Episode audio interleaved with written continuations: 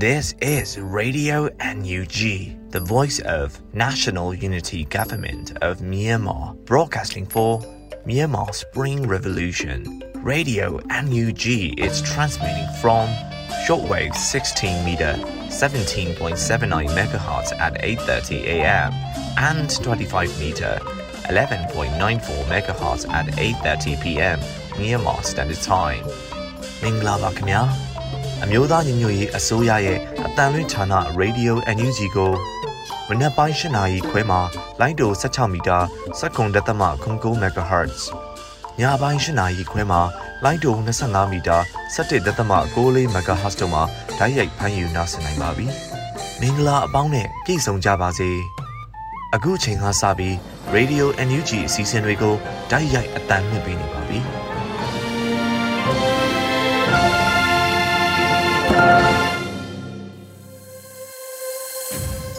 တော်တာရှင်များနဲ့တကွာနိုင်ငံသူနိုင်ငံသားအားလုံးတော်လိုင်းခီလန်းချောင်းပေါ်မှာဘေးကင်းကျန်းမာစွာရှိကြပါစေကြောင်းရေဒီယို UNG ကဆုတောင်းမေတ္တာပို့သလိုက်ပါတယ်။2023ခုနှစ်စက်တင်ဘာလ1ရက်နေ့ရေဒီယို UNG ရဲ့အညာကင်းပိုင်းစီစဉ်တွေထုတ်လွှင့်ပါတော့မယ်။ဦးဆုံးအနေနဲ့ຫນွေဦးမွန်တင်ပြထားတဲ့ပြည်တွင်းသတင်းများကိုနားဆင်နိုင်ကြပါပြီခင်ဗျာ။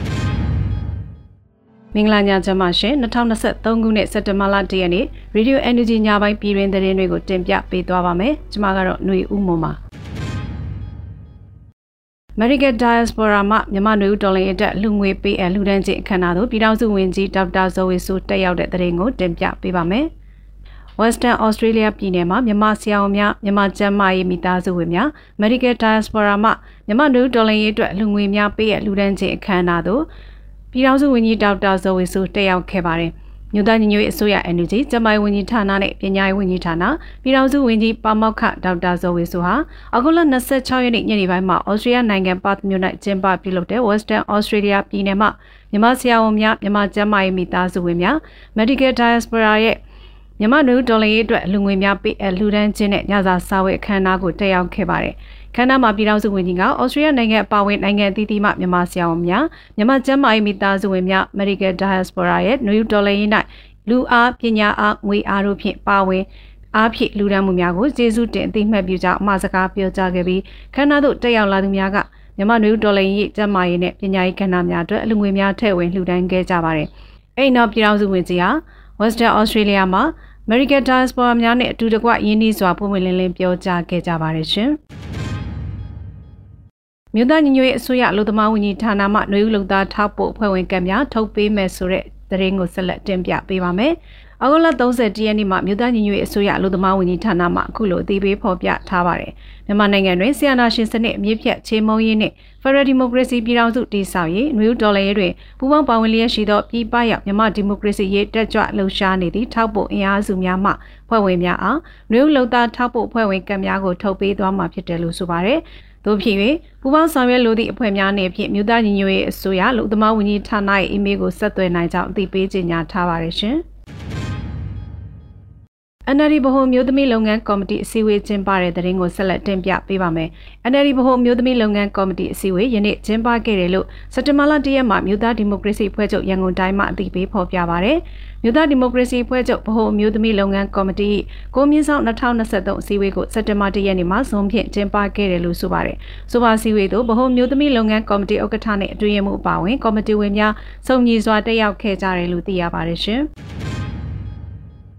စီရဲဘတ်မဲနေတုန်းဖက်စစ်စစ်တပ်ဟာဗနာယီခန္ဓာပြိုသွားပြီလို့ဦးမင်းကိုနိုင်ပြောကြားတဲ့သတင်းကိုဆက်လက်တင်ပြပေးပါအောင်မယ်။ပြည်သူစန့်ကျင်မှုတိုင်းသားပေါင်းစုံတော်လှန်ရေးဘတ်သားများစနစ်တကျအားထုတ်မှုတွေနဲ့ စစ်ကြုံမခန့်တိုက်ပွဲပေါင်းစုံကြောင့်ဗနာယီဆိုင်ရာနိုင်ငံတကာအရေးယူမှုတွေကဝိုင်းကြီးကျုပ်လာနေတာပါ။စီရဲဘတ်မဲနေတုန်းဗနာယီခန္ဓာပြိုသွားတဲ့ဖက်စစ်ဟာအရင်လိုတချင်းလို့ဆိုပြီးမျက်နာပြောင်လို့မရတော့တာကိုယ်တိုင်အသိဆုံးမှာသူတို့ချက်ကောင်းထက်တီတို့နီယာဒါတရင်ရဲ့မဲအောင်မှာမို့လောင်စာစီလူသုံးကုန်နဲ့ကောက်ပဲသီးနဲ့ကုံသေးတွေပါလွတ်မယ်မဟုတ်ပါဒီချိန်မျိုးမှပြည်သူတော်လှန်ရေးဘက်အတူမလိုက်ရင်လဲစင်းခံစောင့်နေတာနဲ့အတူတူပါပဲလို့အောက်ဂုလ30ရက်မှာ88မျိုးဆက်အကြောင်းသားကောင်းဆောင်ဦးမင်းကိုနိုင်မှလူမှုကွန်ရက်မှာဆိုထားပါတယ်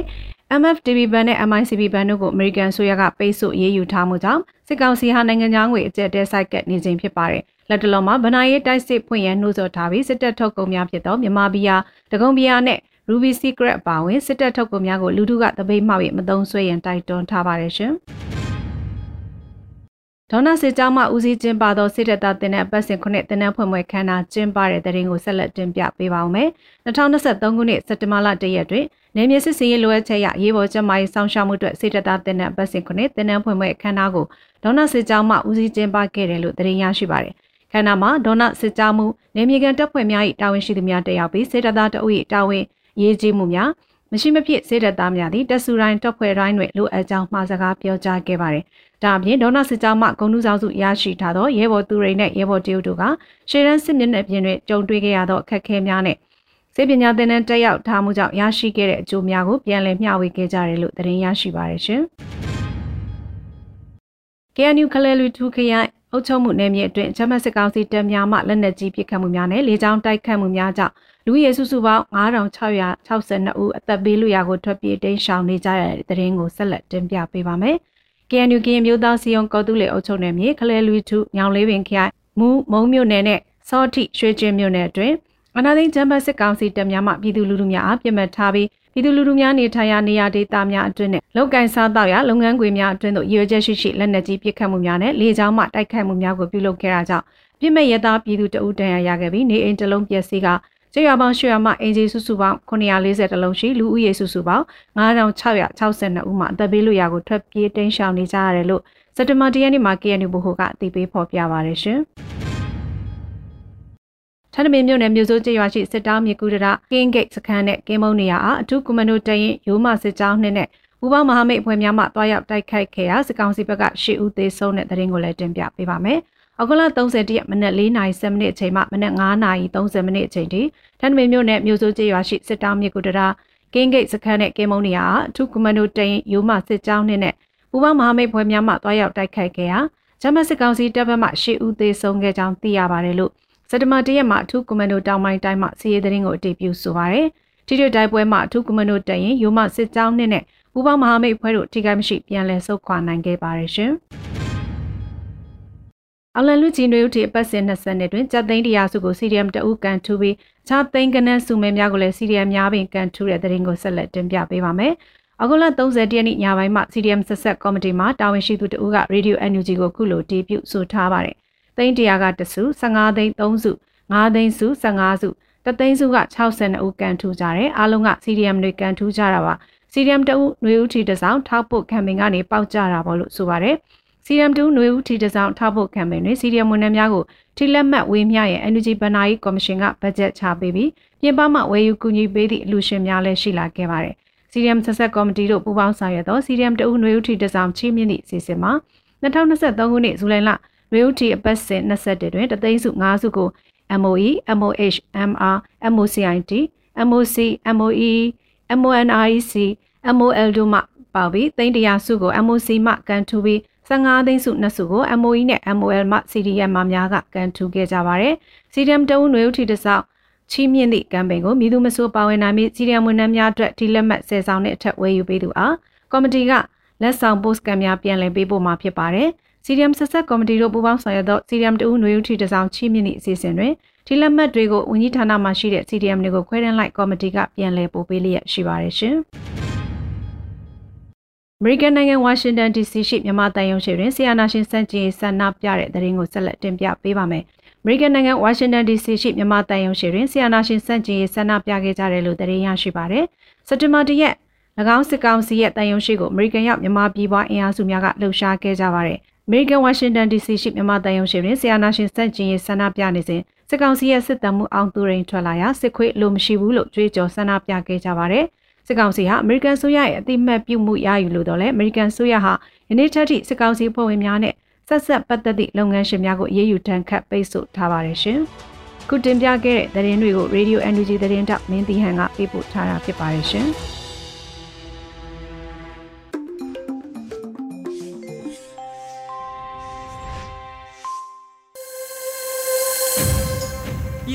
များကိုနားဆင်ကြလို့ပြီးပါပြီအခုတခါမြန်မာနွေခရိုနီကယ်ရဲ့မိုးမခသတင်းမြင်ကွင်းဆောင်းပါးစီစဉ်ကိုတင်ဆက်ပါမယ်တလွဲစီမံခန့်ခွဲမှုတွေနဲ့ရှောက်လှမ်းနေတဲ့မြန်မာနိုင်ငံကောင်းစင်ပါသတင်းဆောင်းပါးကိုလွတ်လပ်နွေဦးကရွတ်ဖတ်ထားပါတယ်မြန်မာနွေခရိုနီကယ်ဩဂုတ်လ31ရက်နေ့မြင်ကွင်းတလွဲစီမံခန့်ခွဲမှုတွေနဲ့ရှောက်လှမ်းနေတဲ့မြန်မာနိုင်ငံကောင်းစင်ပါမြန်မာနွေခရိုနီကယ်ရဲ့တတိမြင်ကွင်းဆောင်းပါးမှာအခုလိုရေးသားဖော်ပြထားတာကိုဖတ်ကြားတင်ပြပါမယ်။ မြို့တွေကရက်ကွက်တွေဈေးတွေမှာလူတွေတန်းစီနေကြတဲ့မြင်ကွင်းသက်ဆိုင်ရာလုပ်ငန်းရှင်ကုန်တဲ့အသင်းတွေကတက်တာတဲ့ဈေးနှုန်းနဲ့ဆန်စားအုံးစီတို့ကိုရောင်းချပေးလို့ရက်ကွက်တွေကအင်ရှင်မတွေမိသားစုဝင်တွေလက်ထဲရေတန့်ဘူးလွတ်လို့စီဘုံးအလွတ်လို့ကင်ပြီးတန်းစီနေကြတဲ့မြင်ကွင်းတွေကဆယ်စုနှစ်ချီမြင်တွေ့လာခဲ့ရတဲ့မြင်ကွင်းတွေဖြစ်ပြီးအချို့သောကာလတွေမှာတိတ်မတွေ့ရပေမဲ့လုံးလုံးရရပျောက်ကွယ်သွားတာတော့မဟုတ်ပါဘူး စစ်အာဏာသိမ်းပြီးနောက်မှာတော့အလားတူမြင်ကွင်းတွေကခက်စစ်စစ်ပြန်မြင်တွေ့လာရပြီးအခုနှစ်ထဲမှာတော့ပိုပြီးတွေ့လာရပြန်ပါတယ်စားတော့ကုန်ပစ္စည်းတွေဈေးမြင့်တက်ရခြင်းဟာဝိသမလောဘကြီးတဲ့ကုန်သည်တွေကြောက်လို့ဆိုတဲ့ဇလန်းကိုလည်းအခုတပြန်ကြက်ကြဲလုံလုံကြားကြရပြန်ပါတယ်မြန်မာနိုင်ငံကတလွဲစီမံခန့်ခွဲမှုတွေကခေတ်ဆက်ဆက်ရှိခဲ့တယ်လို့ဆိုရမှာဖြစ်ပါတယ်နိုင်ငံအာဏာကိုရယူထားသူတွေရဲ့တလွဲစီမံခန့်ခွဲမှုတွေကြောင့်ဖြစ်ရတဲ့အကျိုးဆက်ဖြစ်တဲ့စီးပွားရေးကမောက်ကမဖြစ်မှုတွေကို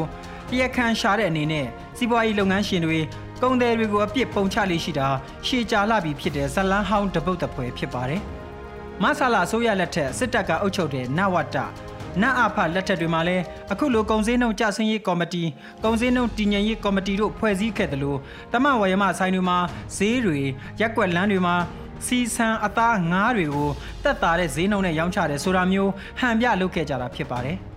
ဘောဂဗေဒသဘောတရားမှာရှိပြီးဖြစ်တဲ့ဝယ်လိုအားရောင်းလိုအားလွတ်လပ်တဲ့ပြိုင်ဆိုင်မှုလက်တင်ရာလောက်ခွင့်ပေးပြီးအခြားသူတွေကိုပိတ်ထားတယ်ခရိုနီလှုပ်ထုံးလုပ်နည်းတွေဖယ်ရှားတာလွယ်ကူရှင်းလင်းတဲ့သွင်းကုန်ပို့ကုန်လုပ်ငန်းစဉ်တွေအပိုင်းကိုမူဝါဒပြောင်းလဲတာရေရှည်ပြည်လည်အောင်ဖြည့်ရှင်းတာစတဲ့ကင်တွယ်ဖြည့်ရှင်းရမယ့်အရာတွေကိုမလှုပ်ဆောင်လိုတဲ့အချက်ကြောင့် အထက်ကတာရကပြခဲ့တယ်လို့လုပ်ငန်းရှင်တွေဈေးကစားသူတွေရဲ့ပယောဂကြောင့်ကုန်ပစ္စည်းတွေဈေးတက်ရတယ်ဆိုတဲ့ဇလန်းသွားကိုလူတို့အကြားပြောဆိုလာခဲ့တာဖြစ်ပါတယ်။လမ်းတွေမှာစားအုံးစီ90သားလောက်ဝယ်ယူခွင့်ရဖို့ရအတွက်နေပူတဲ့မိုးရွာတဲ့မိနစ်နဲ့ချီနာရီနဲ့ချီတန်းစီရတဲ့မြင်ကွင်းတွေကနေ့စဉ်မြင်ကွင်းတွေလိုဖြစ်လာပြီးအခုရက်ပိုင်းမှာတော့ စားအုံးစီလုပ်ငန်းရှင်တင်းကဥက္ကဋ္ဌနဲ့အချို့သောစားအုံးစီတင်သွင်းသူတွေကိုစသုံးလုံးလို့ခေါ်တဲ့အထူးစုံစမ်းစစ်ဆေးရေးကဖမ်းဆီးမေးမြန်းနေတဲ့ဆိုတဲ့သတင်းယမန်နေ့ကထွက်ပေါ်လာခဲ့တာဖြစ်ပါတယ်။စားအုံးစီတင်သွင်းဖြန့်ဖြူးရောင်းချရေးလုပ်ငန်းဟာနဝတ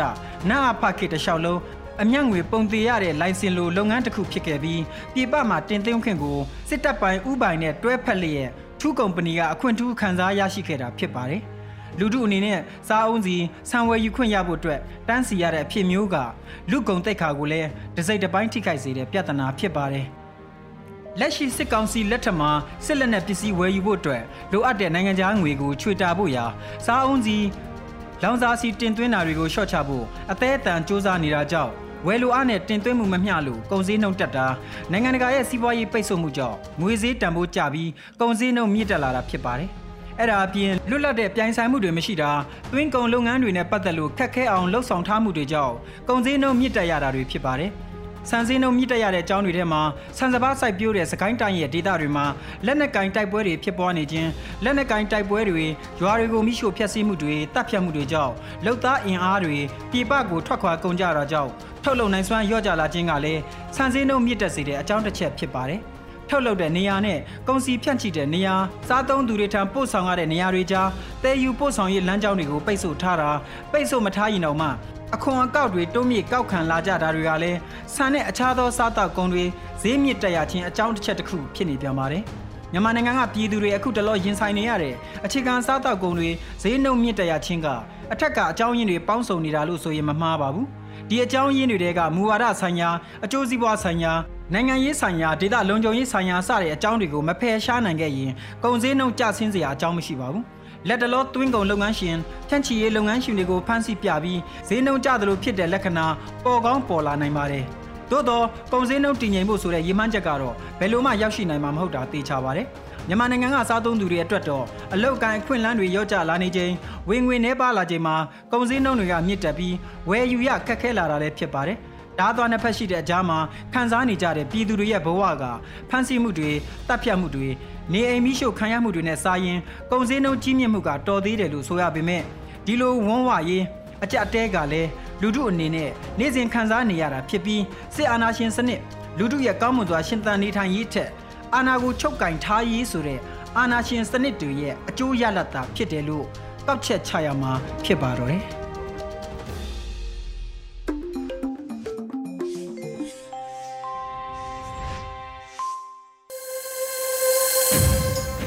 တခါတော်လိုင်းကဗျာကိုလှည့်ပေးကြပါမယ်ပြောပြခြင်းနဲ့မခင်စိန်လို့မြည်ရတဲ့တော်လိုင်းကဗျာကိုပုံနှကျွန်းဇူးဝေကရေးသားပြီးမျိုးဥမို့ကခန်းစားရွတ်ဖတ်ထားပါတယ်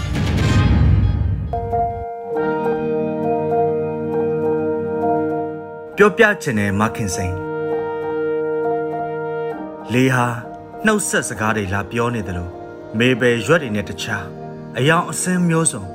အတန်ပေးပြီးဝတ်တွားသွားကြတယ် လွင်မျောသွားကြတယ်စောင်းဥပေါက်ရာသည်ဟာစကလုံးတွေတစ်လုံးမှမဆိုပဲဟိုးအဝေးကြီးကအတိတ်ကပါစီစိတ်တွေတုန်ချပစ်ခဲ့တဲ့မခင်စိန်အကြားတန်တရားထဲမှာနာတာရှည်ဖြစ်နေတဲ့စိတ်ယောဂါသမားတွေကြောင့်အသားစတွေကျွေလွင့်သွားတဲ့ပစီကြီးဆိုတဲ့ရွာမှာဟိုးပတ်ချမ်းကတွေက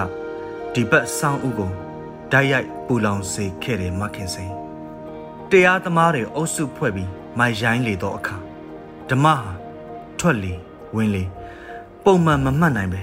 တေရမဲ့ကိန်းမျိုးကိုတတ်မှတ်တဲ့ဥပဒေကိုဓမ္မလို့ကိုဟာကိုထင်ပြီးလက်နဲ့အယောင်းဝယ်ပြုတ်ကြတဲ့အခါငိမ့်ချမ်းရေးစကားတွေပြောပြီးအခန်းအနားတွေဖွင့်ကြတယ်မခင်စိန်ကိုဘက်ကရိုးရှင်းတာကိုပြောရရင်ဒီကဘာကြီးကိုတေချောင်းမကြံစီမိဘူးချင်းချောက်စာတစ်စောင်းတော့ ကိုမရေးပို့ခဲ့ဘူးမခင်စိန်ဥဒုရာသည်ပြောင်းလဲဖြစ်စင်မှာကိုပါတခုမှအမှားမလုပ်ထားဘူးမနစ်ကဒီအချိန်နဲ့ဒီနှစ်ဒီအချိန်ခံစားမှုတွေကွဲလွဲမှုဖြစ်နေလို့ကိုပေါက်ကွဲခဲ့ရပြီမခင်စိန်ခံစားမှုတွေကရိုးရိုးရှင်းရှင်းဖြစ်မလာတဲ့အခါတိုက်ပွဲဖြစ်နေတဲ့အရက်စီလွမ်းစာပို့ချင်ပို့ရမယ်အတ္တမသမားတွေကလှုပ်လှုပ်မြင်သမျှကို ပြောင်းဝနဲ့ထိုးချိန်ထားတယ်ဆိုရင်ကိုကလည်းတလှုပ်လှုပ်ကြွေကြလာတဲ့ရွက်ဝါလေးတွေနဲ့အတူလွမ်းနေအောင်မှာပါမခင်စိန်ပုံနာကျွန်းဆိုဝေး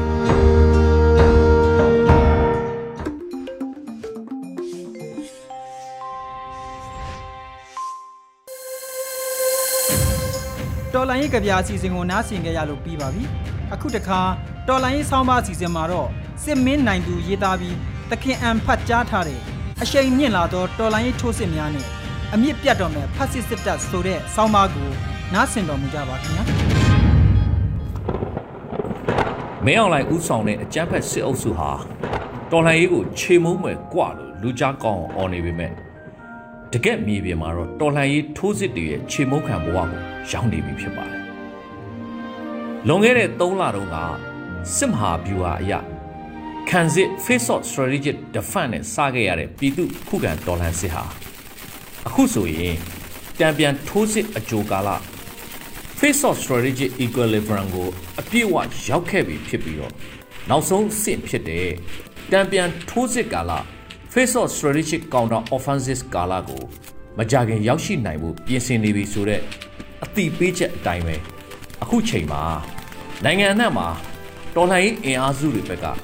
တံပြန်ထိုးစစ်တွေစတင်ပြီးအရေးကြီးတဲ့စခန်းတွေနေမြေတွေကိုတဆင်ပြီးတဆင့်ထိုးစစ်ဆင်တိုက်ခိုက်သိမ်းပိုက်လာတဲ့အခြေအနေကိုရောက်ရှိလာပြီဖြစ်ပါတယ်။ပြီးခဲ့တဲ့ဇူလိုင်လ20ရက်နေ့မှာပဲကရင်ပြည်နယ် KNU တပ်မဟာ6နယ်မြေမှာအကြမ်းဖက်စစ်အုပ်စုရဲ့တပ်မလေးလေးတက်ဆွဲထားတဲ့လက်ခတ်တောင်ဖျားကုန်းတာဝါရိုင်ကုန်းကို KNL PDF ပူးပေါင်းစစ်ကြောင်းဖြစ်တဲ့ Corporal စစ်ကြောင်း1ကျက်တဲ့နဲ့စစ်ကြောင်းနဲ့ Federal Wing တို့ကတိုက်ခိုက်သိမ်းပိုက်နိုင်ခဲ့ကြပါတယ်။အဲဒီစခန်းကုန်းဟာစီရေးမဟာဗျူဟာအရာအရေးကြီးတဲ့ဂုံးတစ်ခုဖြစ်တယ်လို့အကြမ်းဖက်စစ်တပ်ကလည်းသူ့ရဲ့လက်ဝေခံ BGF တွေကိုပါခေါ်ပြီးတော့လက်နက်ကြီးတွေလေကြောင်းပစ်ကူတွေတန်ချက်ကကားတွေပါတုံပြီးပြန်လည်ရရှိဖို့စ조사ခဲ့တာအခုအချိန်ထိအကြအဆုံးများစွာနဲ့တောင်ကုန်းအောက်ခြေကိုတော့ပြန်မကတ်နိုင်တဲ့အခြေအနေကိုရင်ဆိုင်နေရပါတယ်အကြမ်းဖက်စစ်တပ်ဟာ ကရင်ပြည်နယ်မှာအရေးကြီးတဲ့တောင်ကုန်းတစ်ခုပြန်ရဖို့အားကုန်ထုတ်နေရတဲ့အချိန်ကိုအခွင့်ကောင်းယူပြီးတော့ကရင်ပြည်နယ်ချင်းပြည်နယ်နေပြည်တော်တို့ဘက်မှာရှိနေတဲ့တော်လိုင်းအင်အားစုတွေဟာအရေးကြီးတဲ့စခန်းကုန်းတွေနယ်မြေတွေကိုထိုးစစ်ဆင်တိုက်ခိုက်သိမ်းပိုက်မှုတွေလုပ်လာတာတွေ့ရပါတယ်။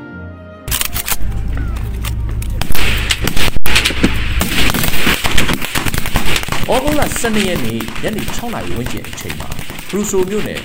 ထီတော်ကူကျေးရွာအနီးမှာရှိတဲ့စစ်ကောင်စီတပ်စခန်းကို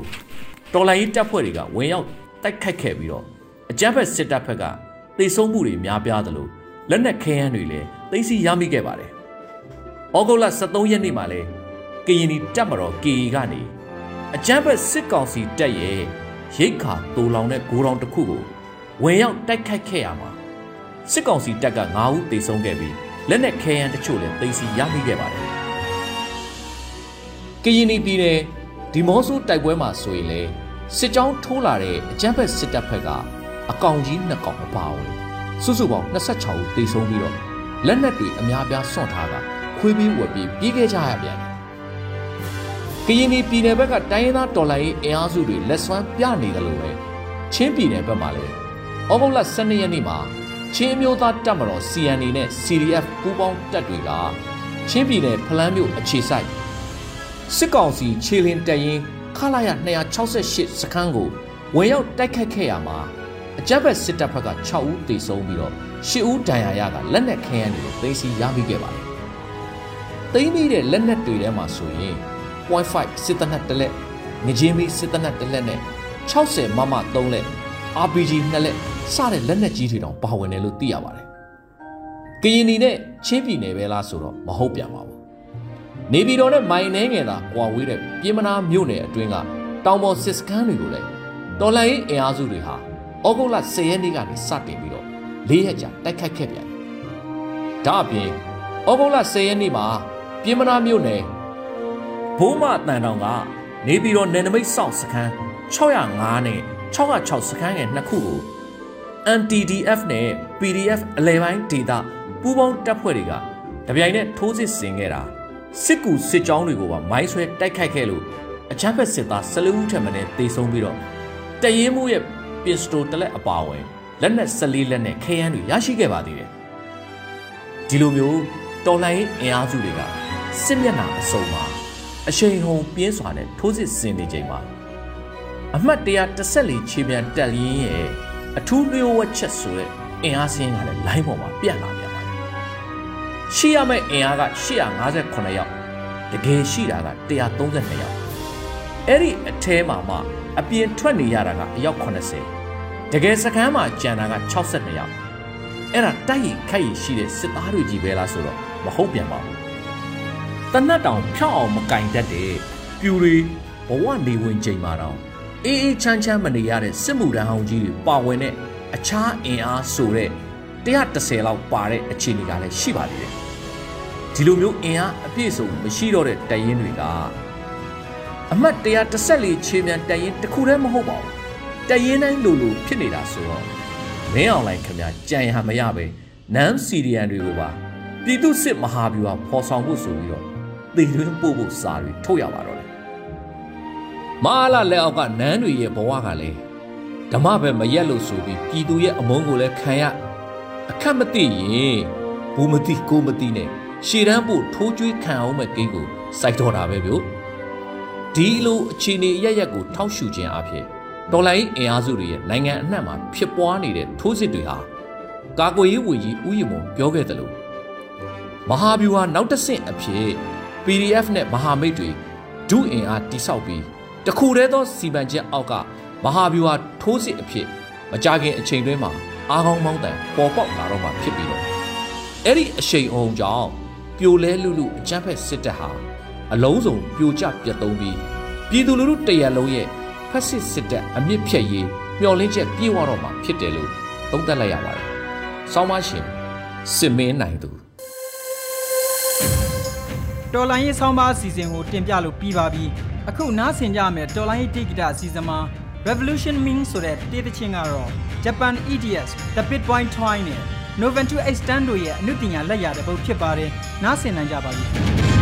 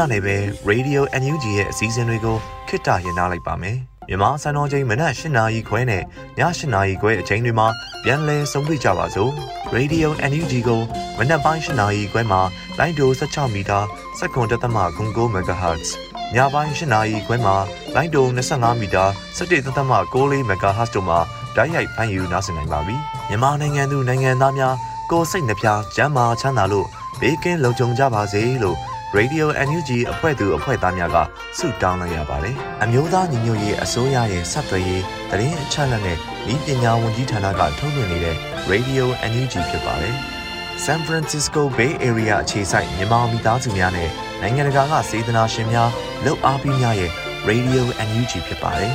။အရေးတော်ပုံအောင်ရမည်